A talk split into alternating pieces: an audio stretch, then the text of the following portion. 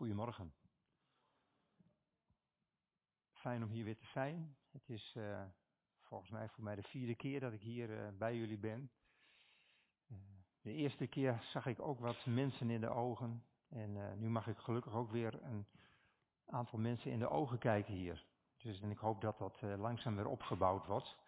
Zodat ik er ook een beetje aan kan winnen dat als ik hier wellicht dit najaar weer kom, dat de zaal helemaal vol zit. Uh, mooi om jullie te zien. Nou, ik ben Harm Rinkema, nog even heel kort voor wie mij wellicht niet kennen. Ik kom uit Stiens en ik uh, ben gehuwd met Riemke. Vier kinderen, zeven kleinkinderen inmiddels. Ja, dat gaat door. Ja. En uh, in mijn dagelijkse werk ben ik docent op de Noordelijke Hogeschool, of eigenlijk tegenwoordig in Helstinden. En dat zul je vandaag ook een beetje merken, want ik, ik ja, kan het soms niet laten om een beetje van mijn kennis. Ik, ik leid mensen op die vooral met gezinnen werken. En die met gezinnen werken waar problemen zijn eh, rondom hechting, rondom veiligheid. En daar zul je vandaag ook iets van, van merken in mijn overdenking. En uh, ik ben dus geen predikant, uh, maar ik vind het wel mooi om af en toe te spreken en het woord te delen. Goed, ik wil graag eerst even met een heel kort gebed beginnen. Vader in de hemel, ik dank u dat we u mogen kennen. Heer, kom met uw geest. Werk door mijn woorden heen, Heer. En werk ook door de, de oren en de harten en het verstand van de mensen heen die hier zitten en die ook thuis hier naar kijken.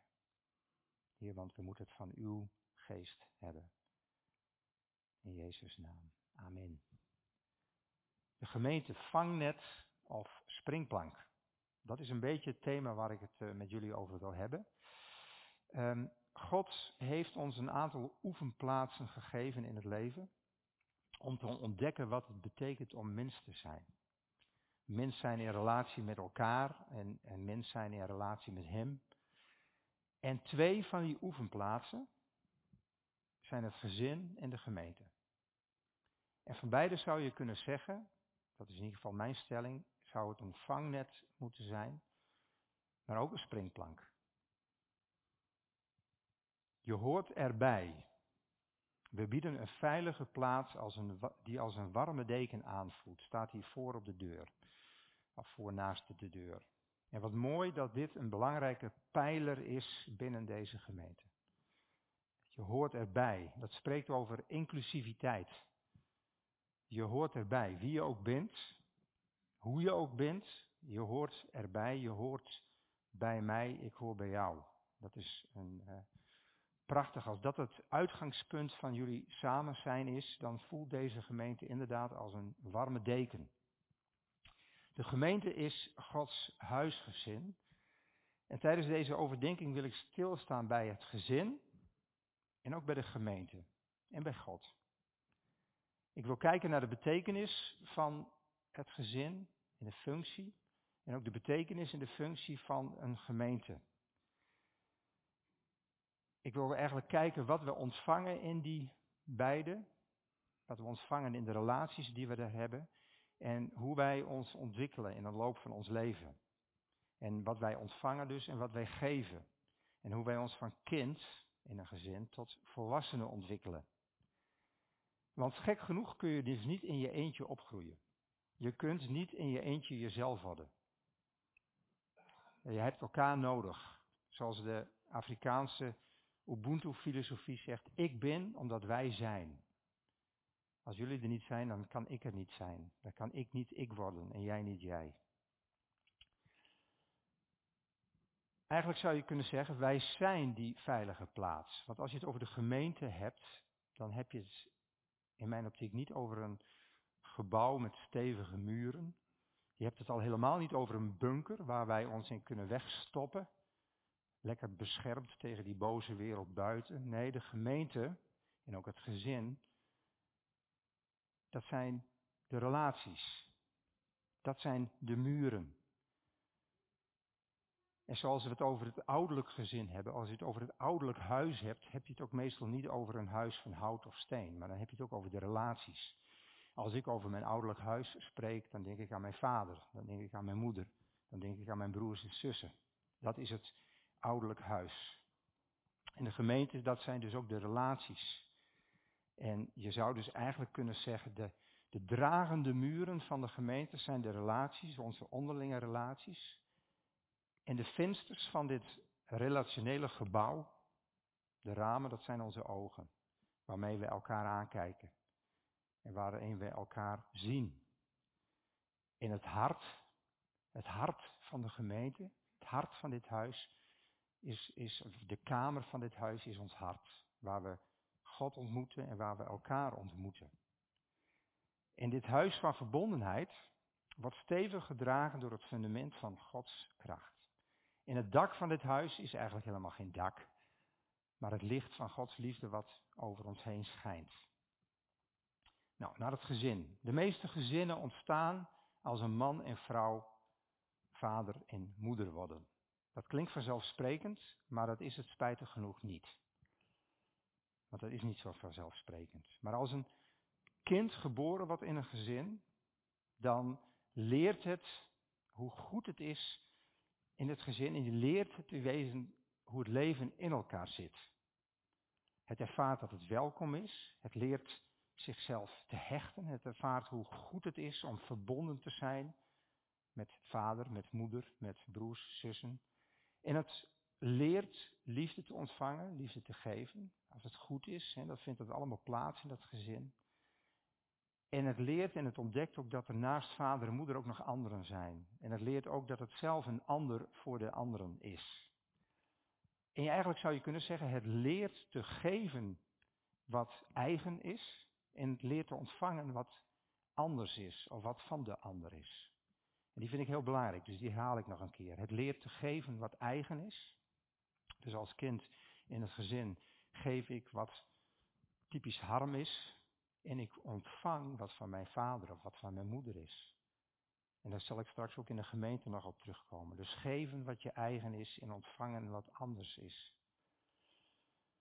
Want op die manier kunnen we namelijk Gods grootheid weerspiegelen. Nou, om te groeien heeft een mens eigenlijk twee basisbehoeften. Een behoefte aan verbondenheid en daarnaast ook een behoefte aan autonomie.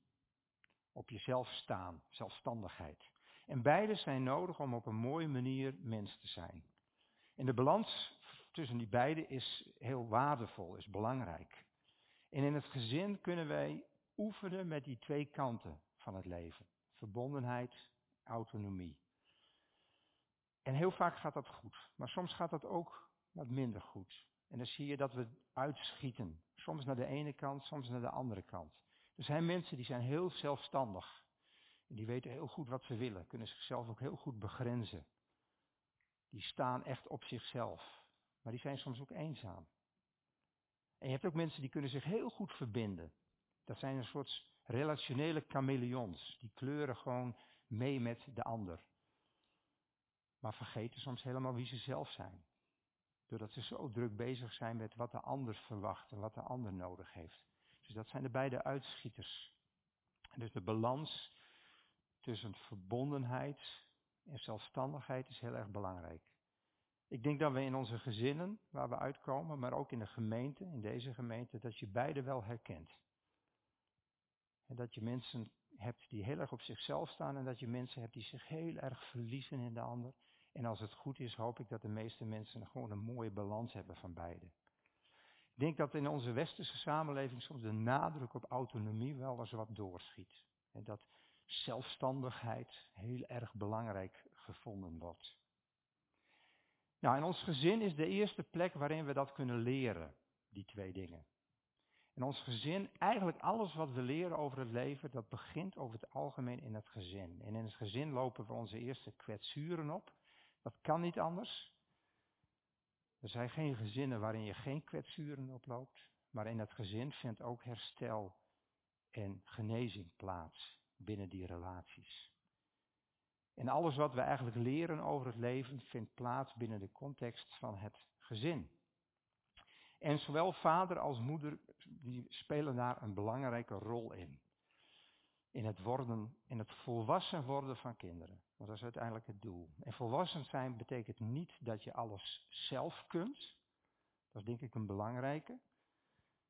Ja, wat ik er zelf doen, dat heeft meer met peuters te maken. Of van, hey joh, dat bepaal ik zelf wel. Dat heeft meer met pubers te maken.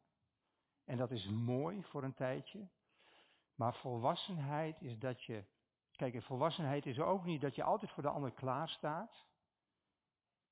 Nee, volwassenheid betekent, ik weet wat ik, wat ik kan en ik weet wie ik ben en ik weet ook wat ik niet kan. En ik weet ook wat ik niet, wat ik, waar ik de ander voor nodig heb. En dat je ook op een volwassen manier om hulp kunt vragen. Dat is volwassenheid. En dat leer je binnen het gezin.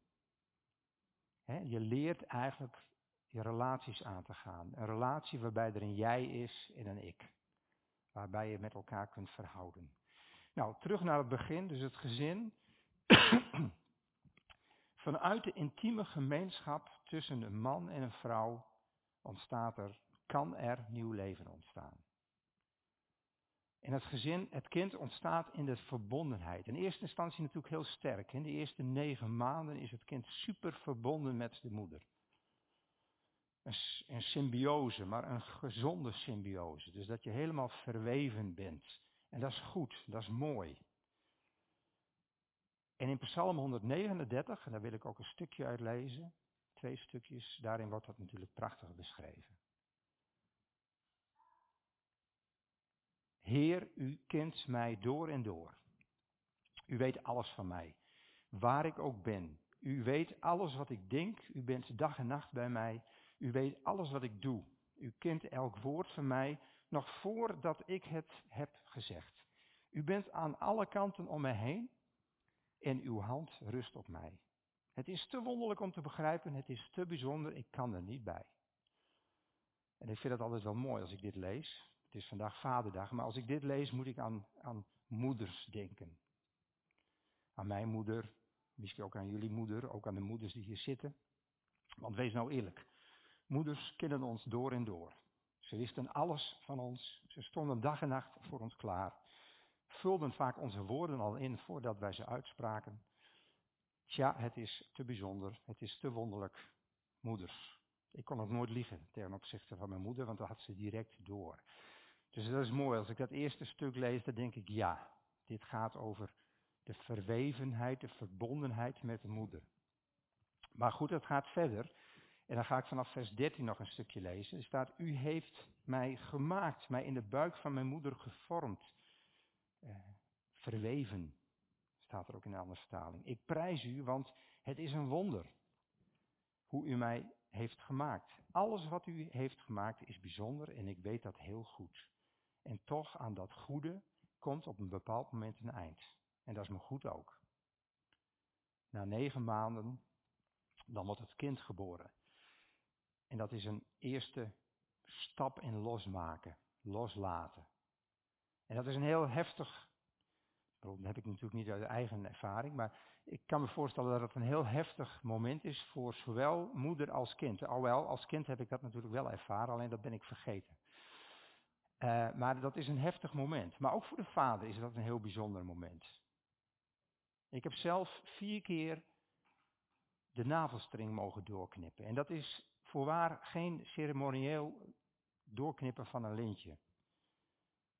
Eh, de vaders of de mannen of vrouwen die hier zitten, die ooit eens een navelstring hebben doorgeknipt, die weten dat dat een behoorlijke klus is.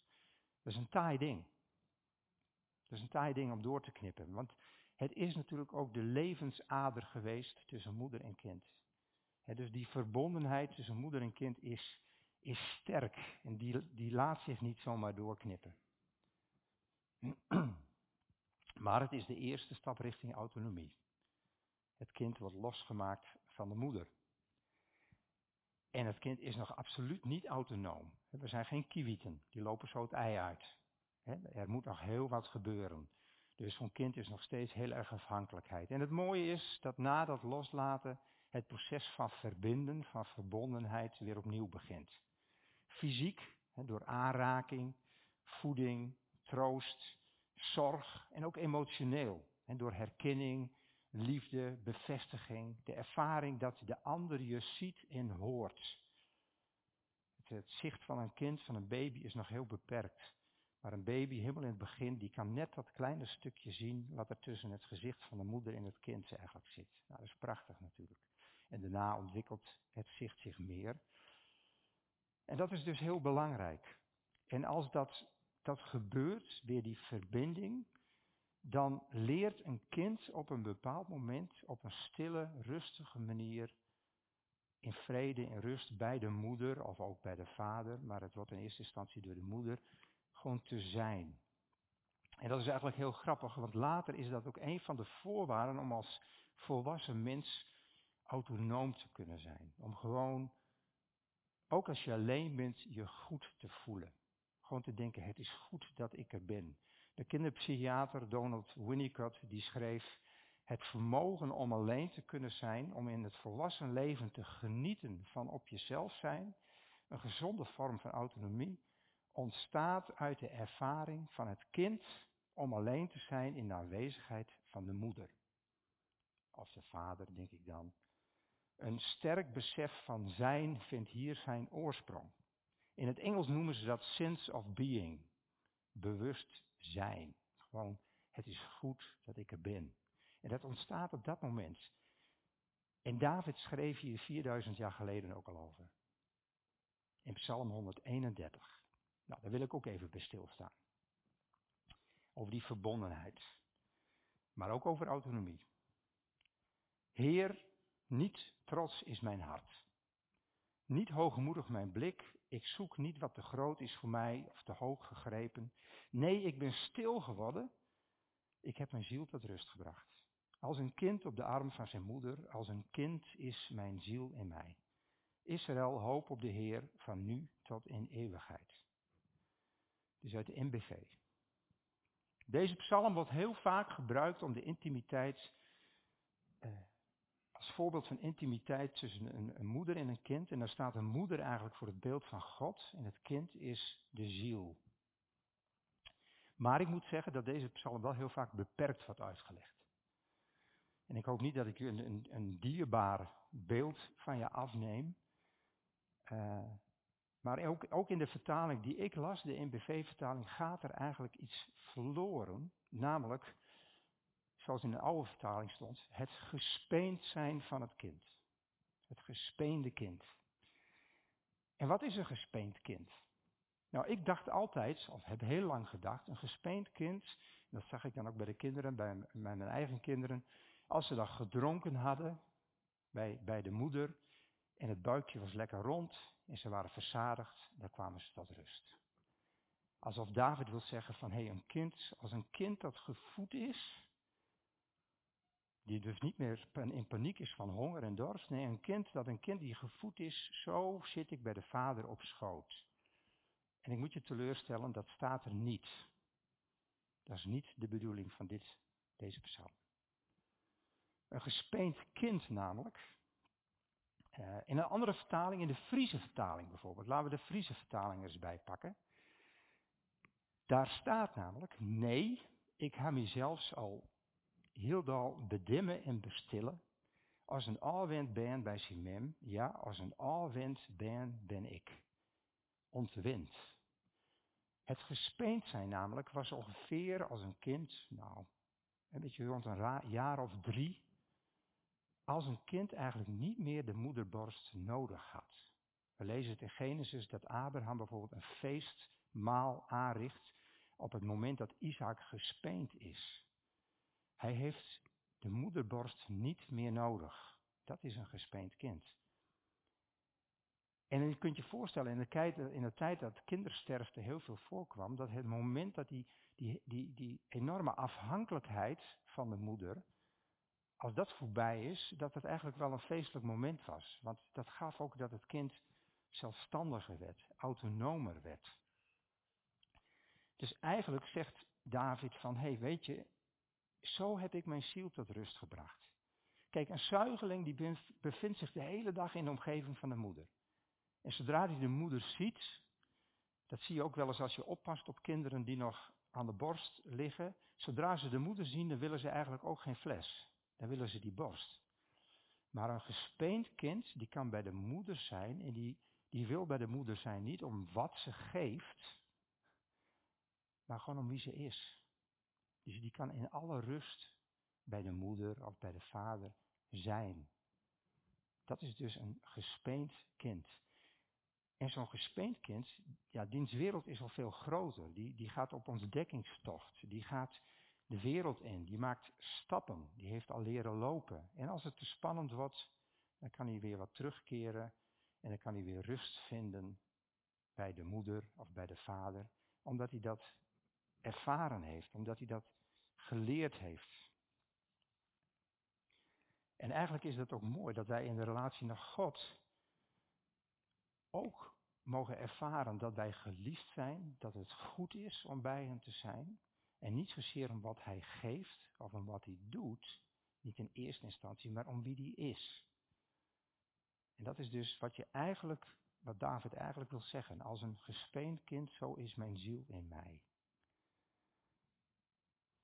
Goed, verbondenheid die helpt ons dus om zelfstandig te worden. En dat is dus eigenlijk het bijzondere. Hè? Je, vanuit verbondenheid leer je om autonoom te zijn. Nou, je mag de eerste sheet, mag er wel even voor. Ik hoop dat die aangaat nu. Ja, mijn vrouw is even aan het tekenen geweest. En uh, die heb ik even gevraagd van wil je deze cirkel tekenen? Wij noemen dat, en hier komt de docent even om de hoek, wij noemen dat in de ontwikkelingspsychologie hechting, die verbondenheid. Hechting is een sterke, gevoelsmatige band tussen kind en verzorger, waarbij de verzorger een veilige haven is in moeilijke tijden en een goede basis, een springplank zou je eigenlijk kunnen zeggen, van waaruit de wereld verkend wordt. En een kind heeft een goede basis nodig omdat een kind namelijk gezien wil worden in de stappen die hij gaat zetten. Zo van, papa, mama, zie mij. Zie wat ik doe. Moedig mij aan. En een kind heeft iemand nodig die dan zegt van, hé hey joh, ik, ik ben trots op je op het moment dat je die stappen gaat maken. En ik steun je. Ik support je op het moment dat je op ontdekking gaat in de wereld. Maar als het dan heel spannend wordt, dan ben ik er ook weer om je op te vangen. Dan kun je weer bij me terugkomen. En dan heb je die hand van de veilige haven. Dus je hebt de, de, de stevige basis, de goede basis van waaruit je kunt vertrekken, de springplank. En je hebt de veilige haven, het vangnet, waar je opgevangen wordt. Vandaag is het Vaderdag. En uh, naast dat de vader die navelstring door mag knippen, aan het begin. Hè, dus de vader helpt in het losmaken van kind en moeder. Uh, zou je kunnen zeggen dat dat is ook de opdracht van de vader in het latere leven. En er zijn nog heel wat navelstringen te knippen. Emotionele navelstringen. De vader helpt dus kinderen, en natuurlijk de moeder ook, ik wil niet te, te specifiek zijn, maar hè, de vader, maar ook de moeder, helpen het kind om los te komen. Nou, en dat zie je aan de ene kant. De daring noemen ze dat in het Engels. De uitdaging. Van toe maar, klim maar in die boom. Uh, ga maar fietsen zonder zijwieletjes. Oké, okay, daar val je een keer om, klaar. Toe maar, doe het maar. En de daring. En aan de andere kant is het ook de caring, de zorg. En als je dan ondersteboven gaat, dat je ook weer opgevangen wordt. En beide kanten zijn nodig. En we zien dat ook, in de Bijbel zie je ook beide kanten dus de beide kanten, God laat zich ook van beide kanten zien. God heeft in dat opzicht ook een vaderlijke en een moederlijke kant. Een daring kant, een uitdagende kant. Ga op weg. Maar ook een verzorgende kant. Kom maar bij mij. En die beide kanten zijn heel belangrijk. En dat God moederlijke eigenschappen heeft, dat zal jullie ook niet verrassen. God die zichzelf als een hen vergelijkt, die zijn kuikens onder de vleugels ja, bescherming biedt. Maar ook God, en of het dan mannelijk of vrouwelijk is, dat weet ik niet zo goed, maar God die het kind leert lopen. In uh, Hosea hoofdstuk 11 vers 3 staat dan dat hij Ephraim heeft leren lopen.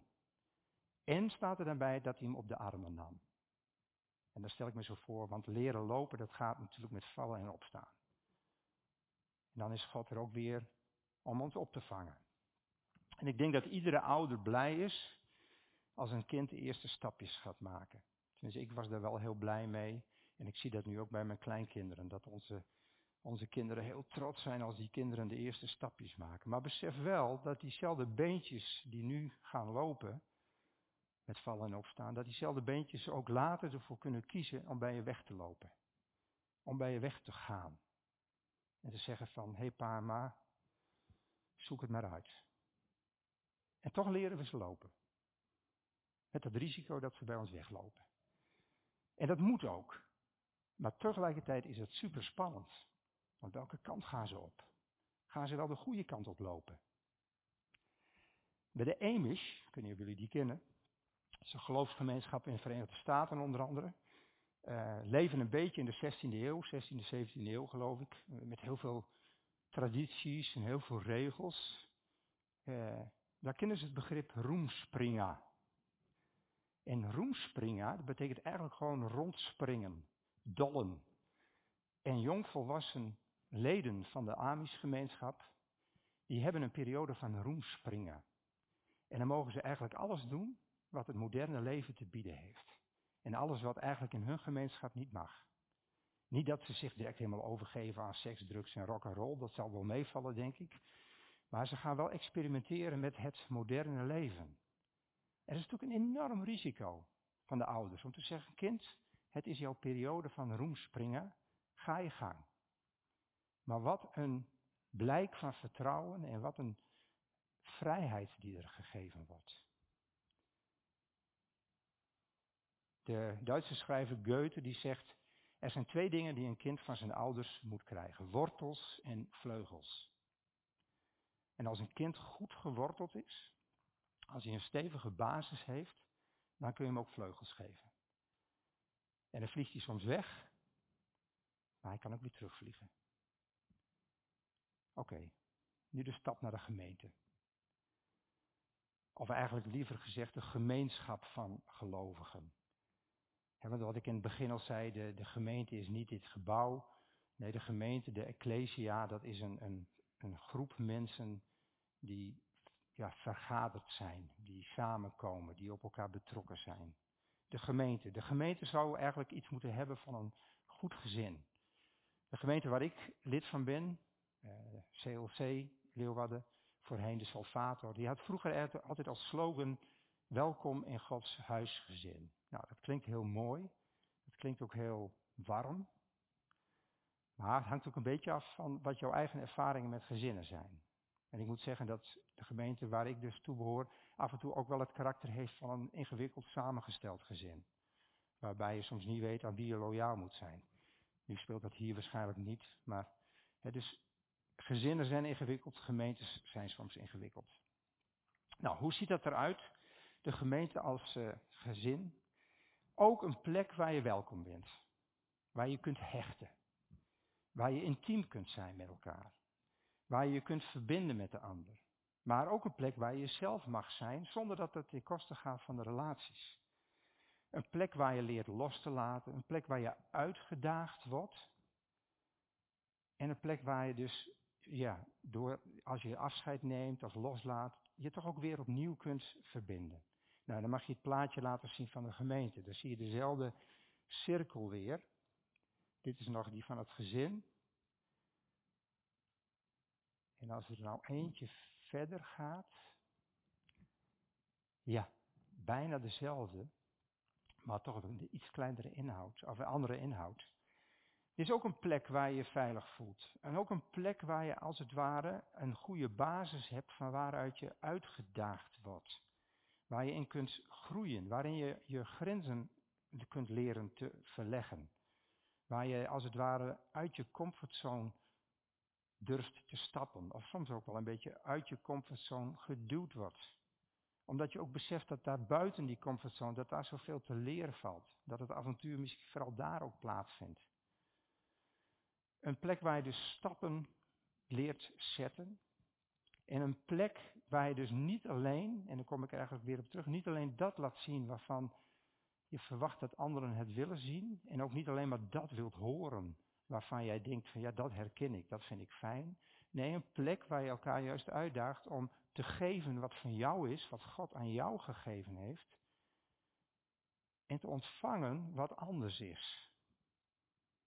Ja, soms misschien ook wel een beetje vreemd is. Dat je denkt, ja, maar dat, dat, zo heb ik dat nooit, zo beleef ik dat helemaal niet. Maar op dat moment, als ik geef wat des harms is, en ik ontvang wat van jou is, op dat moment vorm je als gemeente een prachtige mozaïek waarin wij allemaal een klein steentje zijn.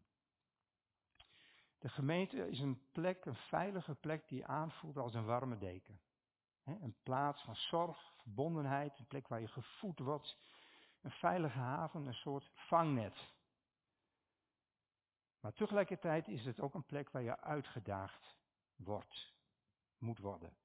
Waar je uitgenodigd wordt dus om je grenzen te verleggen. En waarbij het dus een soort springplank is. Het is wel grappig, in, de, in het plaatje uh, voor de dienst op YouTube stond een duikplank. Maar dat heeft waarschijnlijk met het warme bad te maken van vorige week. Uh, zelf had ik meer een springplank in gedachten. Vroeger bij de gymnastiek had je wel zo'n houten springplank of een klein trampolinetje. Maar goed, het mag beide. Maar een springplank in een vangnet. En dan is de gemeente dus eigenlijk de plek waar je uitgedaagd wordt om stappen te zetten, maar bij wij als het misgaat, net als met het leren lopen, dat je ook weer opgevangen wordt. En we zouden dus eigenlijk kunnen zeggen, en dat is het volgende plaatje, dat kwam ik van de week tegen, dat is altijd zo mooi, als je met een, met een overdenking bezig bent, dan kom je ineens ook van alles tegen. Ik kwam plotseling kwam ik dit tegen. Toen dacht ik, ja, dit is het. Een secure base. Een veilige basis. Een veilige haven, een goede basis, een secure base. En er staat er, is een bron waardoor we ons welkom voelen. Dus de caring. En die ons inspireert en aanmoedigt om in verbinding de uitdagingen die het leven biedt aan te gaan. Dat is de daring. dat is natuurlijk fantastisch. Als je gemeente een secure basis. Dan wordt het werkelijk een huis van genade. En het is dus belangrijk dat we in de gemeente niet alleen gevoed worden, maar dat er ook een fase komt in de gemeente, en dat is voor iedereen verschillend, maar dat er een fase komt waarin we geestelijk gespeend zijn. Dat je eigenlijk zegt van hé, hey, ik kom hier niet alleen maar om gevoed te worden als een zuigeling, maar ik ben ik ben tot rust gekomen als een gespeend kind. Dus dat je ook in geestelijk opzicht gespeend bent. En dat je dus bij elkaar kunt zijn. In de schrijver van de Hebreeënbrief heeft het bijvoorbeeld over melk en over vast voedsel. Dat er een moment komt dat je dus niet alleen maar als een zuigeling, zeg maar, melk tot je neemt, maar dat je ook vast voedsel tot je neemt. Ten slotte wil ik stilstaan bij onze relatie met God. Hij laat zich kennen als vader, als moeder. En wij mogen een relatie met hem hebben, dankzij Jezus Christus, onze verlosser, zijn zoon. God die ons kind vanaf het prille begin, in de prachtige woorden van Psalm 139. En die als een moeder is en die ons uiteindelijk helpt om als een gespeend kind onze ziel tot rust te brengen. Hij geeft ons geborgenheid. Hij geeft ons basisvertrouwen. En hij geeft ons een gezond besef van zijn.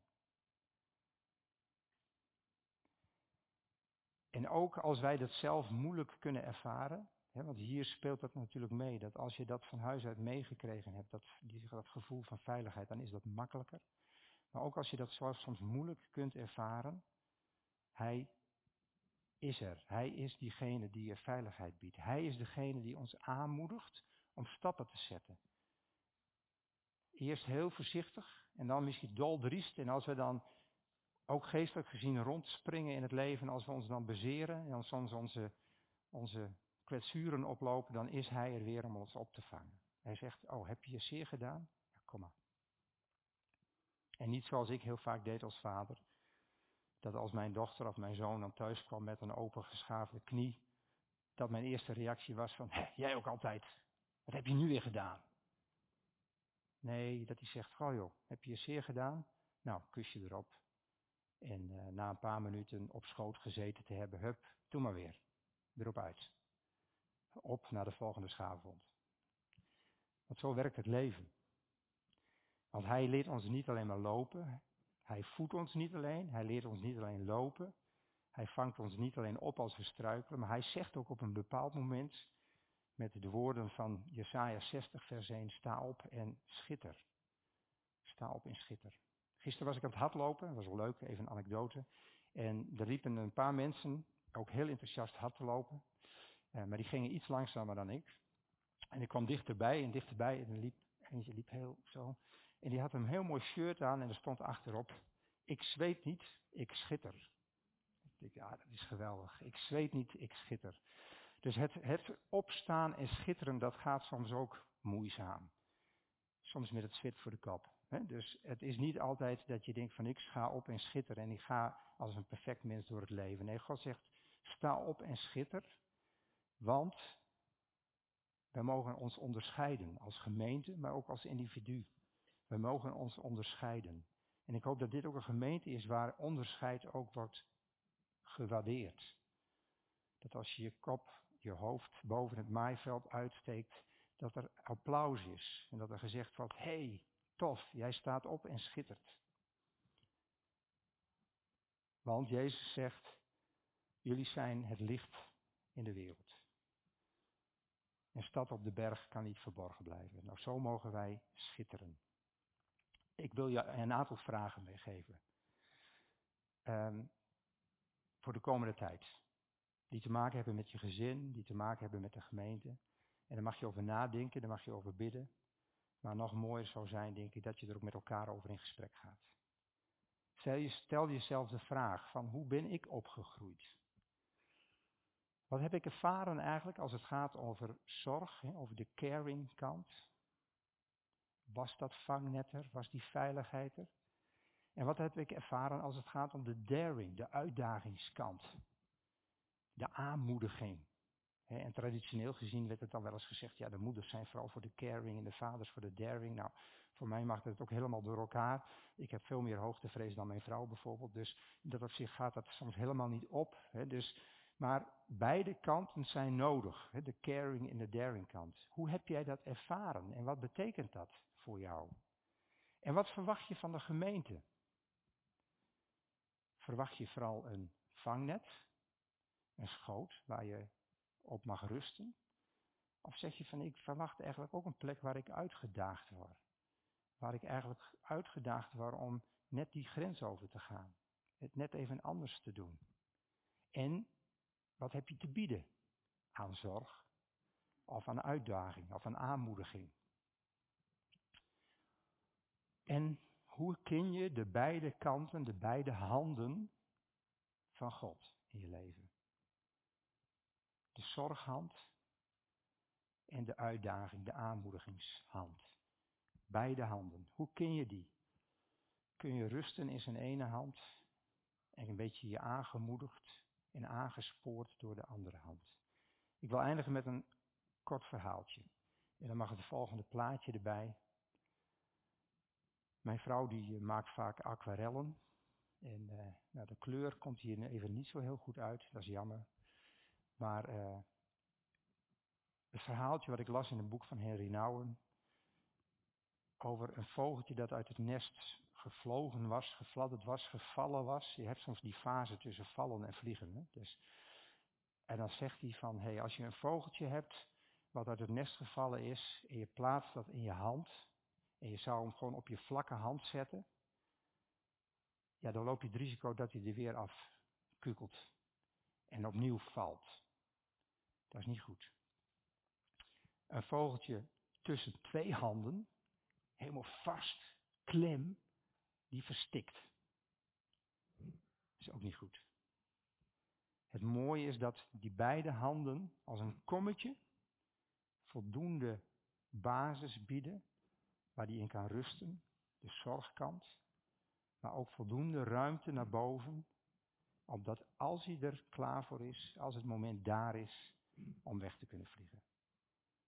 Nou, mijn wens is dat dat de ervaringen zijn in jullie gezinnen, maar ook dat dat Dit plek is hier in deze gemeente. Een plek waar je gedragen wordt door Gods liefde en door elkaar. En waarin er ook zoveel ruimte is dat je je vleugels uit kunt slaan en dat je kunt vliegen. Ik wil graag bidden. Vader in de hemel, we danken u voor uw liefde, uw vaderlijke liefde, uw moederlijke liefde. Heer, dat wij ons gedragen mogen weten door u, maar ook aangemoedigd mogen weten. En Heer, geef dat wij daar ook, ook letterlijk handen aangeven, ook binnen de gemeente. Handen die, die ons dragen, maar ook handen die ons aansporen. Heer, met een schouderklopje, met gejuich, met een aanmoediging. Wees in deze gemeente aanwezig, wees in deze mensen aanwezig en help hen om die beide kanten te ervaren, die beide kanten vorm te geven en op deze manier een gemeente te zijn. Dat bid ik u in Jezus' naam. Amen. Dankjewel Harm voor uh, deze woorden, deze blik op wie God is. En uh, God heeft zoveel gedeeld met